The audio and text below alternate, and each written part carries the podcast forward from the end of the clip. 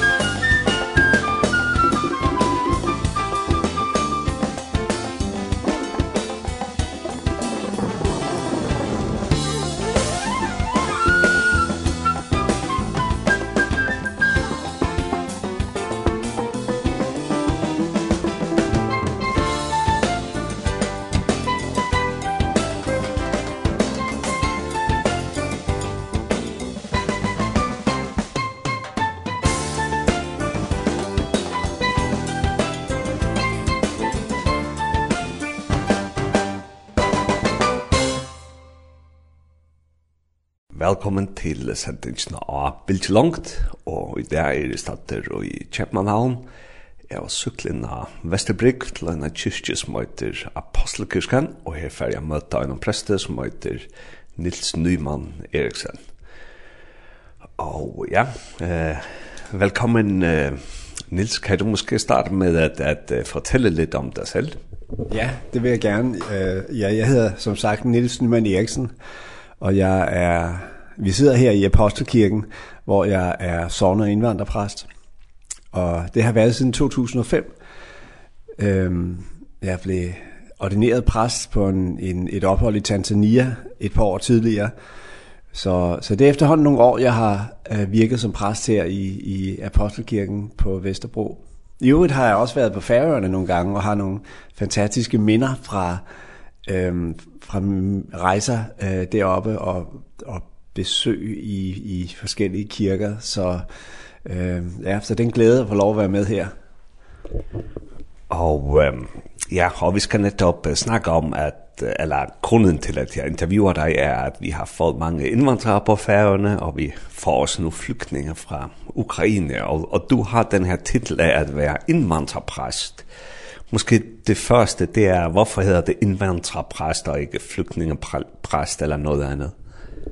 Ja, de der ord, de har jo sådan lidt, øh, hvad skal man sige, betydningsnuance.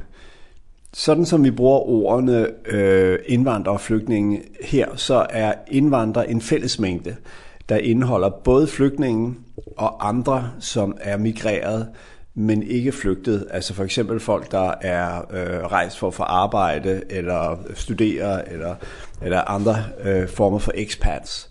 Så indvandrere er det store fællesmængde. Men det, i mit arbejde som indvandrerpræst, der fylder flygtninge meget. Og, og hvad er det så at være indvandrerpræst, måske i forhold til en almindelig sådan ja. præst i en folkekirke? Ja. Jamen det er faktisk, i mit tilfælde i hvert fald, noget ret forskelligt fra at være en almindelig sovnepræst. Der går ikke særlig meget af min tid med at, hvad skal man sige, øh, øh, øh, forestå for eksempel øh, bryllupper og begravelser og konfirmandundervisning og den slags. Mit arbejde som indvandrerpræst har tre områder. Det, det første område, man, man kan kalde det godt naboskab, det handler om forholdet til mennesker af anden tro her på Vesterbro. Det andet handler det andet kan man kalde storfamilien, og det handler om forholdet til migrantkirker øh, på Vesterbro og i København. Og det tredje kunne man kalde kernefamilier, og det handler om at bygge et tværkulturelt menighedsfællesskab. Så det er de tre hovedområder. Og hvis jeg lige skal sige lidt om de tre områder. Øh, godt naboskab. Her på Vesterbro, der har vi fem moskéer. Øh, syv kir syv øh, folkekirkemenigheder og fem moskéer. Og øh, en gang imellem så foretager vi en besøgsrunde, hvor vi går rundt og, og hilser på de øh, fem moskéer. Det er to øh, hovedsageligt tyrkiske, to hovedsageligt marokkanske og en pakistansk øh, moské. Det vil sige, Det, det, det er faktisk de gamle indvandrergrupper, som hovedsageligt bruger moskéerne på Vesterbro. Det har at gøre med, at øh, der boede rigtig mange indvandrere her tilbage i 80'erne, hvor moskéerne blev oprettet. Og så, så, så, har vi, så stiller vi dem nogle spørgsmål. Hvordan er det øh, at være på Vesterbro som muslim i dag? Og øhm, øhm, formålet er øhm, øh, godt naboskab. Det vil sige, Vi vi ønsker at vi kan være på talefod med øh, imamer og måske rådsformænd og så videre her øh, på Vesterbro. Og vi ser egentlig også en forpligtelse til at vi som majoritetsreligion er med til at sørge for at de kan praktisere deres religion. Ikke fordi vi tænker at at det går ud på et ehm fordi det gør vi ikke. Vi er meget bevidste om, at, at kristendom og islam er helt uforenelige størrelser. Men mere fordi vi tænker, at det er også en del af vores opgave som kristne at sørge for, at mennesker kan praktisere deres tro, også selvom det ikke er en, en øh, i vores opfattelse sand øh, øh, Guds tro. Øhm, hvis jeg skal uddybe det lidt, så her på vores sidste øh, besøgsrunde, som vi havde tidligere på året her, så øh, skrev vi så en rapport bagefter og, og, og, og konkluderede tre ting. Hvad, hvad er det, der kendetegner øh, muslimerne på Vesterbro? Hvad er det for udfordringer, de har? Og den første udfordring, som de beskrev, det er, at de siger sekularisering og materialisme. Så øh, de ser, at migranter kommer til landet, og i starten er de øh, meget nært knyttet til øh, moskémiljøet, så kommer de på afstand, øh, øh, fordi at de tænker på, at de skal tjene penge og, og, og, og så videre, så videre. Så opstår det næste problem, som er den anden generation, fordi de forstår sig selv som muslimer, men de har ikke noget forhold til den, det lokale fællesskab, som, som de er rundet af. Og så opstår det, den tredje udfordring, som kan være, at nogle af dem her øh, bliver en del af virtuelle fællesskaber på internettet, øh, og dermed mister øh, kontakten til den, det, det praktiserende fællesskab, og lige pludselig kan de komme ind i en parallel virkelighed og blive radikaliseret og så videre. Så det var, det var meget tankevækkende for mig som, som, som præst at, at høre den her beretning om, hvordan, hvilken, hvilke udfordringer, som de står med, øh, hvor noget af det kan vi jo godt genkalde øh, fra vores egen virkelighed, det her med materialisme og sekularisering. Nå, så det, det er den første målgruppe. Den, nå, hvis, jeg, ja. hvis jeg lige kan spørge dig, øh, så, så, så du, du siger nu, at, at I har snakket med de her moskéer, ikke? muslimske ja. moskéer. Men tror du også, at, at det samme gør sig gældende for andre indvandrere her på Vesterbro, at de også ligesom bliver materialiseret, mm. og så næste generation bliver, bliver distanceret, og så, og så igen øh, faren med med cyberfællesskabet? Ja. Øhm, det er et godt spørgsmål. Øh, der er nogle elementer af det, som vi genkender igen, hvis vi for eksempel går til migrantmenighederne. Øh, når jeg siger, på Vesterbro, der er der, der er ikke andre, der, er, der er ligesom øh, kristen og muslimsk praksis, så er der en lille smule øh, Scientology, de har, men, men dem har vi ikke så meget kontakt øh, til. Så så det vi kender det er vi kender til den muslimske virkelighed og så kender vi også til migrantkirkerne. Og det er så det andet punkt. Altså migrantkirker med det forstår vi først og fremmest øh øh menighedsfællesskaber som har en en særlig etnisk herkomst eller sproglig herkomst. Det kan være øh, der er en eritreansk menighed øh, som mødes i Maria kirken her på Vesterbro, en romansk menighed, her er der en tanzaniansk menighed som mødes. Ehm øvrigt med en en en færøsk øh, øh, musiker, øh, guitar, guitarist. Ehm og sådan er der. Og man kan sige migrantmenighederne er på mange måder en en næsten usynlig del af det kirkelivet i København, fordi for nogle år siden blev der lavet en undersøgelse der viste at øh, omkring en tredjedel af kirkegængerne går til migrantmenigheder. Hvilket er meget markant. Men Mange migrantkirker og menigheder holder til i folkekirkelokaler, men de har lidt en parallel øh, tilværelse. Der er ikke så meget interaktion. Så en del af min opgave det er at, at arbejde på at, at skabe en forbindelse mellem migrantmenigheder og folkekirkemenigheder. Og det foregår for eksempel ved, at vi har en årlig øh, migrantkirkelederkonference øh, på Fyn, hvor vi inviterer øh, mennesker fra de forskellige migrantmenigheder til at komme og få noget bibelundervisning og inspiration og, og tale med hinanden om de øh, udfordringer, der er. Og øh, her, lige her tidligere på dagen havde vi et planlægningsmøde for det, vi kalder Prayer for the Nation. Så Stor Bededag, som jo er en gammel øh, bøns- og bededags helligdag, øh, øh, øh, der, der er blevet taget et initiativ fra migrantkirkernes side til, at vi skal stå sammen og bede for nationen og for omvækkelse i landet. Og, og, og det er det, vi har planlagt her tidligere på dagen. Så det er et andet eksempel på, hvordan at det, den her forbindelse mellem folkekirke og migrantmenigheder kan, kan styrkes. Men så den tredje opgave, som på mange måder er den opgave, der fylder mest, det er at opbygge et tværkulturelt menighedsfællesskab øh, her i sognet inden for folkekirken. Og, og, og det er en udfordring, fordi folkekirken, altså hvis, hvis vi havde været katolikker, så vil vi indgå i en øh, øh, sammenhæng med en, en international organisation. Den er meget sådan verdensbordet. Det samme, hvis vi havde været en del af Pinsekirken. Den er i høj grad også international. Øh, Men den danske folkekirke er meget national. Og den er stedbunden. Og det har været og det er en svaghed i folkekirken som jeg ser det, at den risikerer at udvikle sig til at være en monoetnisk kirke i et multietnisk samfund.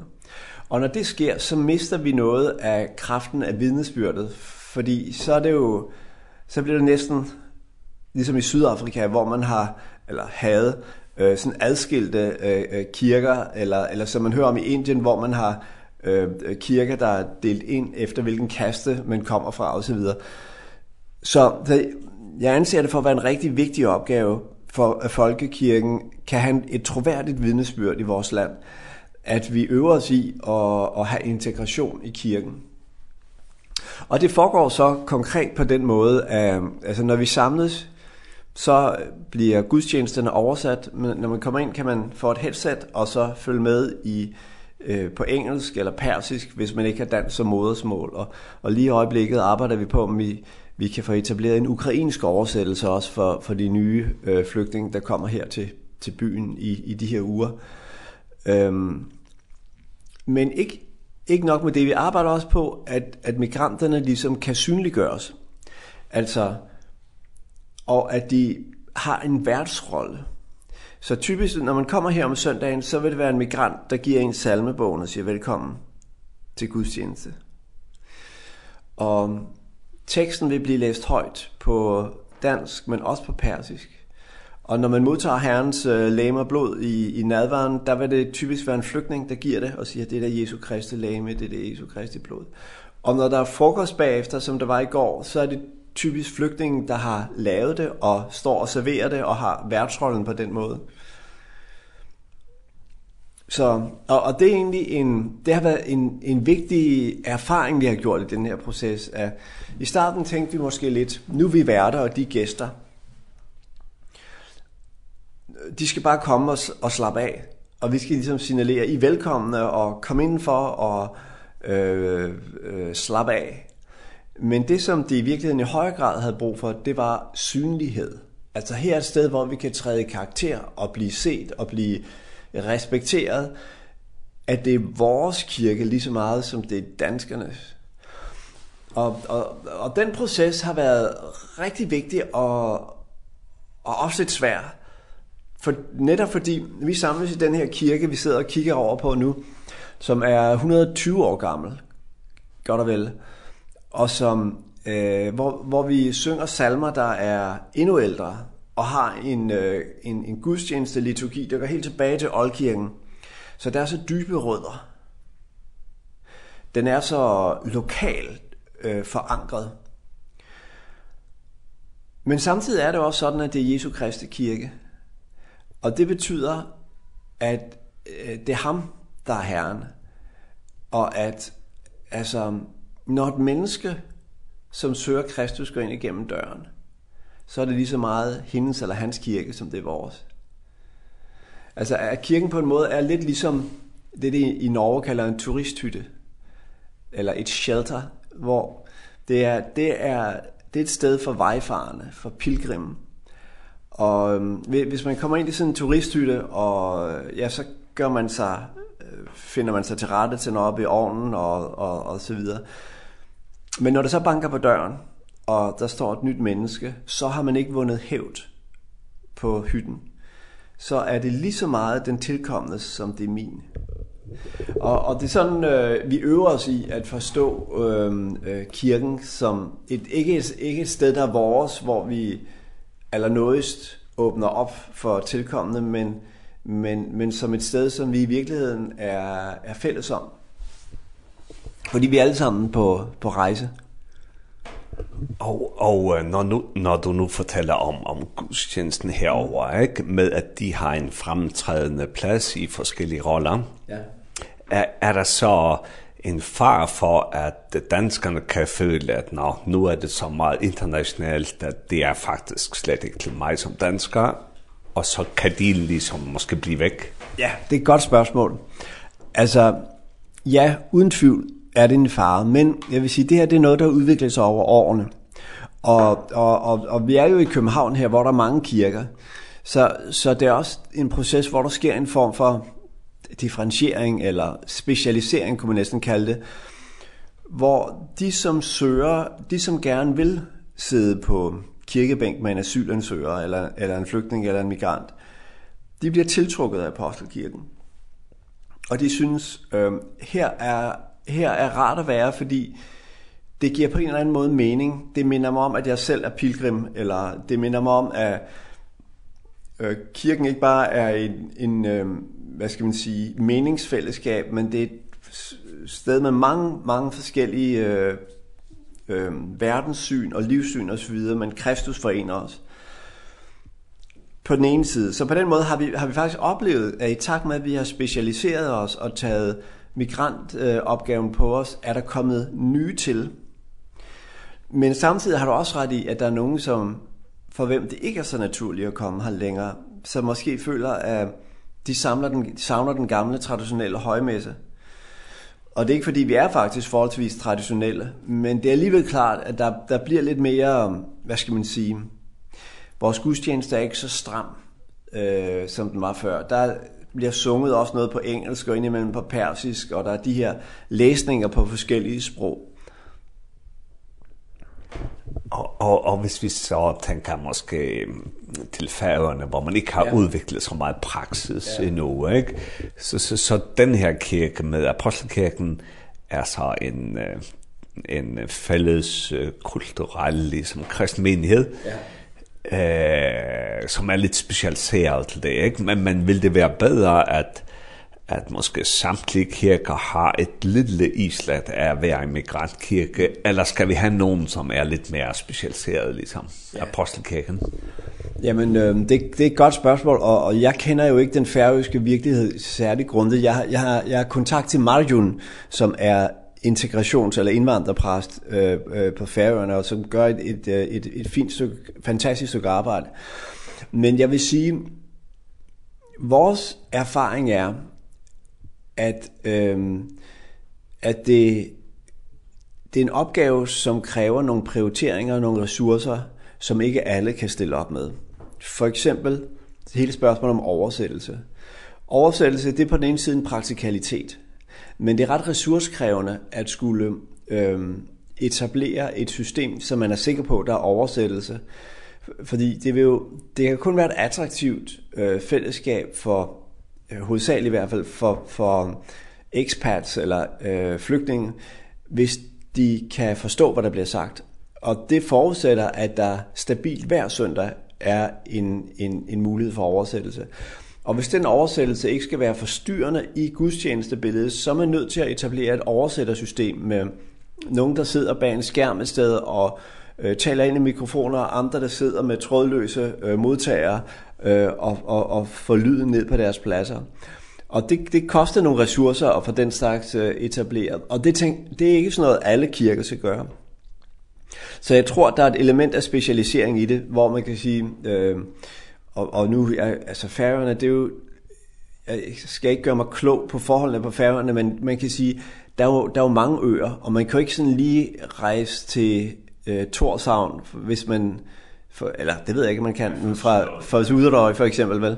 Så, øhm, øhm, ja, det, det, det er et stort spørgsmål, øh, du stiller. Det, det, kan jeg, det, det er jeg ikke den rette til helt, helt at gennemskue, men i hvert fald, så tror jeg ofte noget om det andet, du siger, nemlig, at vi alle sammen har behov for altså også selvom man ikke er en særlig indvandrermenighed eller eller der er en indvandrerpræst til at at arbejde på den form for åbenhed over for gæster der kommer og besinde sig på at vi som kirke er et shelter øh, snarere end en fæstning og at øh, når når når fremmede kommer hertil så er det øh, øh så er det lige så meget deres som det er vores så bare et lille konkret spørgsmål, fordi jeg er så glad for mad, men, men når de står for maden, ja. ikke, er, er det så ligesom, hvis det er nogle perser, der står for maden, er det så persisk mad, eller er det bare almindelig frokost, som I serverer? Ja, nej, men det, det er helt rigtigt, at det er gerne deres egen mad. Altså, i går var det den 20. marts, og der fejrede perserne det, der hedder Nowruz, det er deres nytår. Og så havde vi bedt dem om at lave inde i kirken et, det, de kalder et hafsin-bord. Det vil sige, det er sådan en persisk tradition, at man dekorerer et bord på en særlig måde.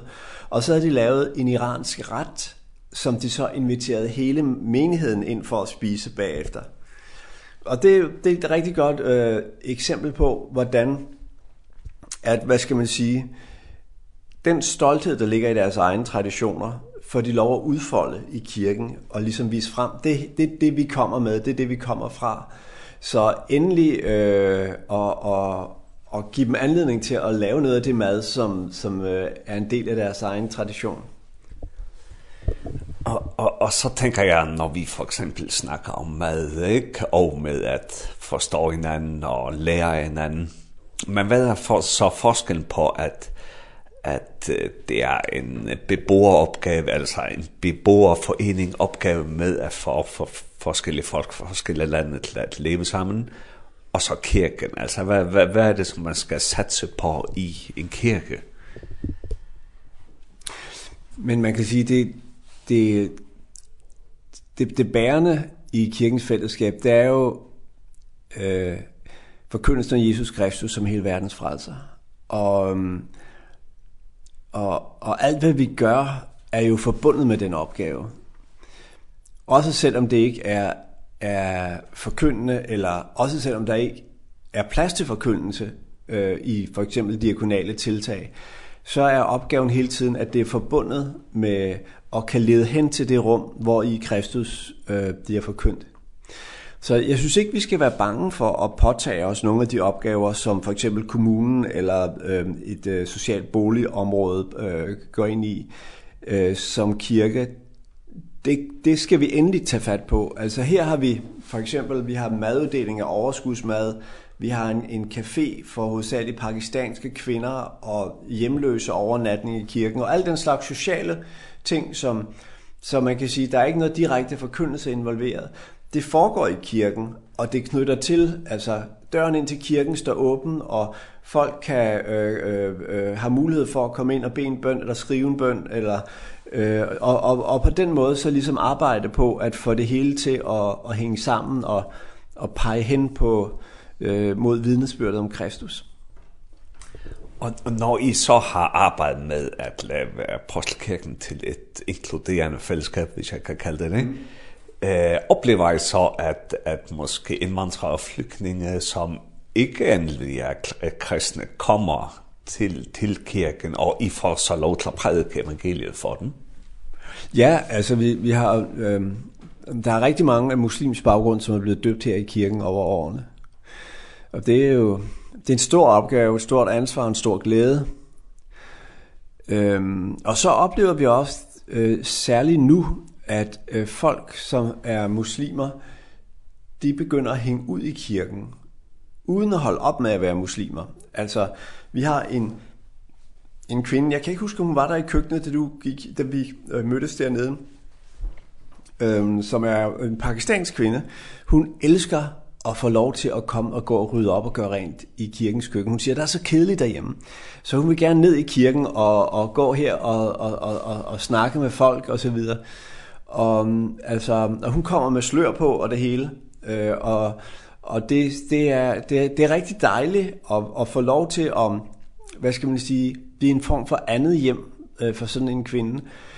Ehm og og og så liksom øh, håbe på at det jo så at Helligånden på et tidspunkt vil gøre et arbejde i hendes hjerte, så at hun også bliver draget mod Kristus, men men der er det en stor opgave at være tålmodig og ikke liksom vil forsere øh, den proces? Ja, tiden den løber meget hurtigt, ja. Henrik.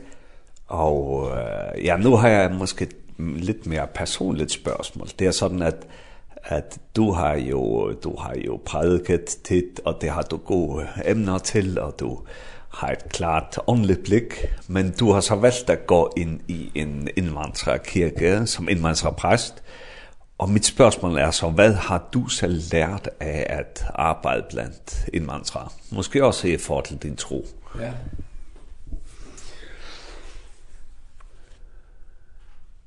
Ja.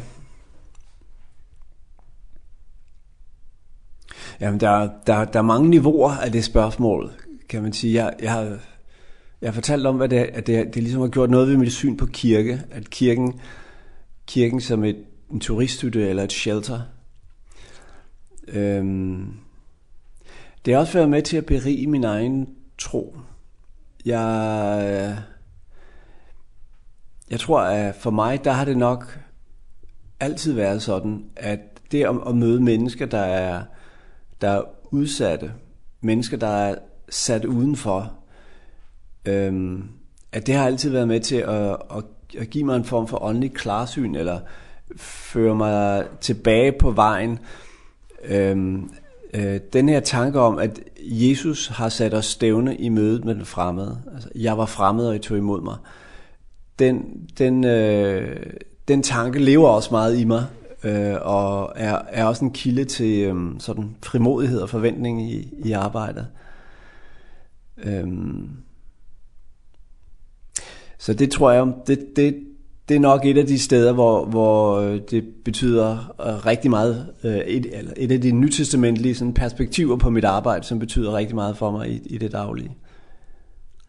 Har, har du følt, følt det som et kald at, at være præst på Vesterbro og være indvandrerpræst? Ja, altså...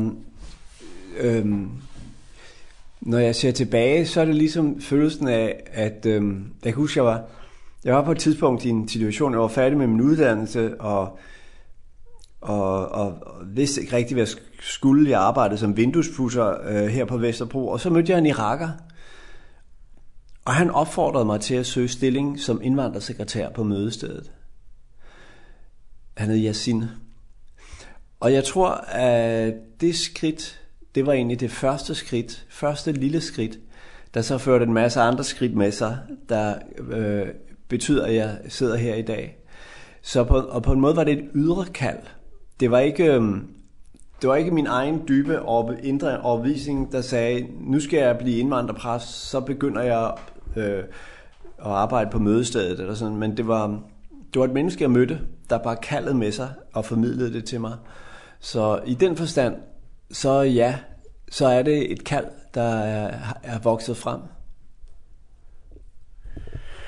Og, og, og så sidder jeg og tænker mig måske lidt fra færøerne, ikke? At, at, at jeg synes, at du er en god prædikant, at du er god til at udlægge skrifterne. Øh, og så har du ligesom valgt eller blevet kaldt ind i den her stilling som en vandrepræst, ikke? Mm. Øhm, Eh, og, og jeg kunne så spørge det har jeg lidt spurgt, hvorfor har du valgt den vej i stedet for måske bare at udlægge ordet og skrive bøger. Eh, men, men er der måske behov for, at, at du ligesom ikke kun forplanter dig i den her kirke eh, på Vesterbro, men at du også med dine erfaringer kan tale ud til det mere rene danske kirkesamfund med dine erfaringer?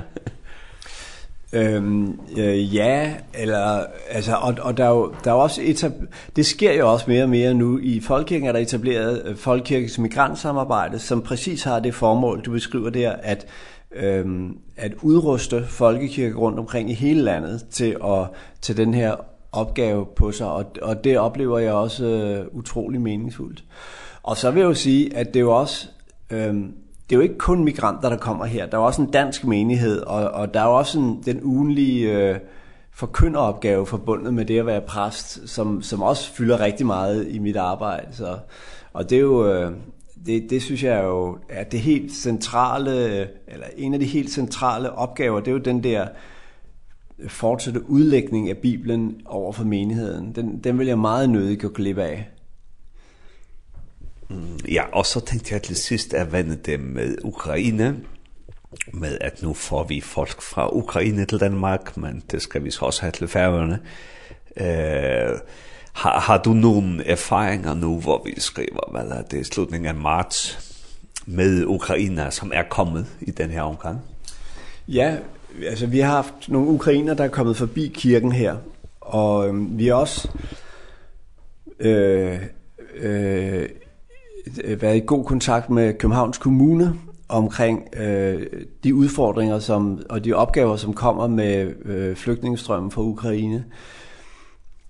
Ehm det, det vi helt konkret nu overvejer, det er at have et over et nyt oversætterspor øh, i kirken så af ukrainere som kommer her. Der har været i søndags var der måske fem ukrainere, ehm at de får mulighed for at følge med i gudstjenesten på deres eget sprog. Men derudover så forestiller jeg mig, at der på sigt bliver en, en opgave med at være med til at skabe netværk for ukrainere. Eh jeg forestiller mig nogle af de sociale tilbud, som kirken har. Noget børnearbejdet, det vil kunne være relevant for de ukrainere, som kommer til landet. Men på en måde er det, vi er meget tidlig i processen, og det er svært helt at, at få overblik over, hvilke opgaver der melder sig. Men der er ingen tvivl om, at det, det kommer til at sætte dagsordner lang tid frem. Og, og, og tænker du, at der er forskel på de ukrainer, som kommer, og så måske mere de almindelige indvandrere, som ikke kommer fra krig? Er der noget bestemt, synes du, sådan umiddelbart, vi skal tænke på, når det er folk, som er kommet fra en krigszone? Ja, øh, altså, man kan sige, der er flere faser, og, og jeg tror, i går øh, efter gudstjenesten, skulle vi, tog vi ud på et flygtningscenter for at, at, at møde nogle ukrainere, som var nyankomne. Altså den ene var ankommet lige for tre timer siden, og, og, og på vejen ud, så talte jeg med en psykolog, øh, der sagde, hvad, hvad skal vi huske på? Og hun sagde, altså, når vi er så tæt på, hvad skal man sige, de traumatiske begivenheder, så skal I ikke begynde at snakke med dem om, hvad der er sket. Øh, men det, I skal gøre, det er, at I skal bare være med til at støtte dem i at få normaliseret deres liv.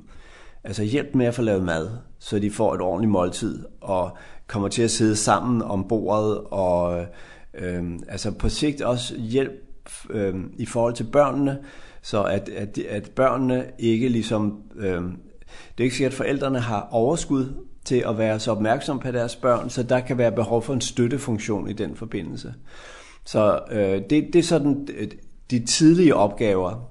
Og så på sigt, når de kommer ud og får egen bolig og, og så videre, så... Jamen, jeg, jeg tror, i vores tilfælde, så vi har en ukrainsk øh, kvinde i menigheden, og det bliver nok hende, der kan læse sin egen befolknings eller ukrainerne i København bedre end vi kan og gøre os opmærksom på hvad er behovene, øh, hvor der er behov for at kirken står sammen og gør en indsats. Og, og har du gjort noget research på de som kommer fra Ukraine, er, er de kristne i forvejen, er de ateistiske, hvad, hvad er ligesom... Øh tros eller religionsprofilen på på folk fra Ukraine. Ja, ehm jeg jeg tror at de fleste er kristne i, i en formel forstand i hvert fald. Ehm men det er det ret komplicerede kirkebillede. Der er jo den ehm ortodokse kirke. Og en del af konflikten mellem Ukraine og Rusland, det handler jo om at den ortodokse kirke har brudt med Moskva-patriarkatet, altså med, med kirkeledelsen fra Rusland, og orienterer sig i retning af Konstantinopel eller, eller Istanbul-patriarkatet. Og det har, det har skabt stor vrede øh, øh, blandt den, i den russiske ortodoxe kirke. Det vi ser ske nu i København, så, så vidt jeg forstår det, det er, at mange af dem, der kommer, de øh, har det rigtig svært med den, at, at skulle ind i den russiske ortodoxe kirke i Bredegade. Øh, og en del af dem går over på den anden side af vejen til det, der hedder den græsk-katolske kirke, som altså er en, altså en ukrainsk menighed, øhm, som samler sin katolske kirke og, og har den, øh, øh, hører ind under i, i, i den sammenhæng, men, men stadig har et ritual og en liturgi, som er ortodox. Så det er så ret komplekst billede, og man fornemmer også, at der er en hel del øh, spændinger i miljøet. Men der er også evangeliske kristne, fra Ukraine, og jeg ved, at det, der er stærke baptistmenigheder flere steder i Ukraine, og også sådan pentekostale, pinse, øh, karismatiske menigheder. Eh og, og dem, vi havde besøg af i går i kirken, de kom fra den tradition, så der, der er helt klart også nogle af dem iblandt, som har brug for at, at finde ind i et menighedsfællesskab. Ja, opgaverne er mange, ja. Niels. og jeg vil sige dig tusind tak for det her interview, og ønsker dig Guds velsignelse med dit arbejde. Tak for det. Tak for samtalen. Ja, og hetta var så enten av bildt Langt og i morgen, og hetta sendingen kan høres at du kvöld klokkan halvgån åtta. Takk for i morgen.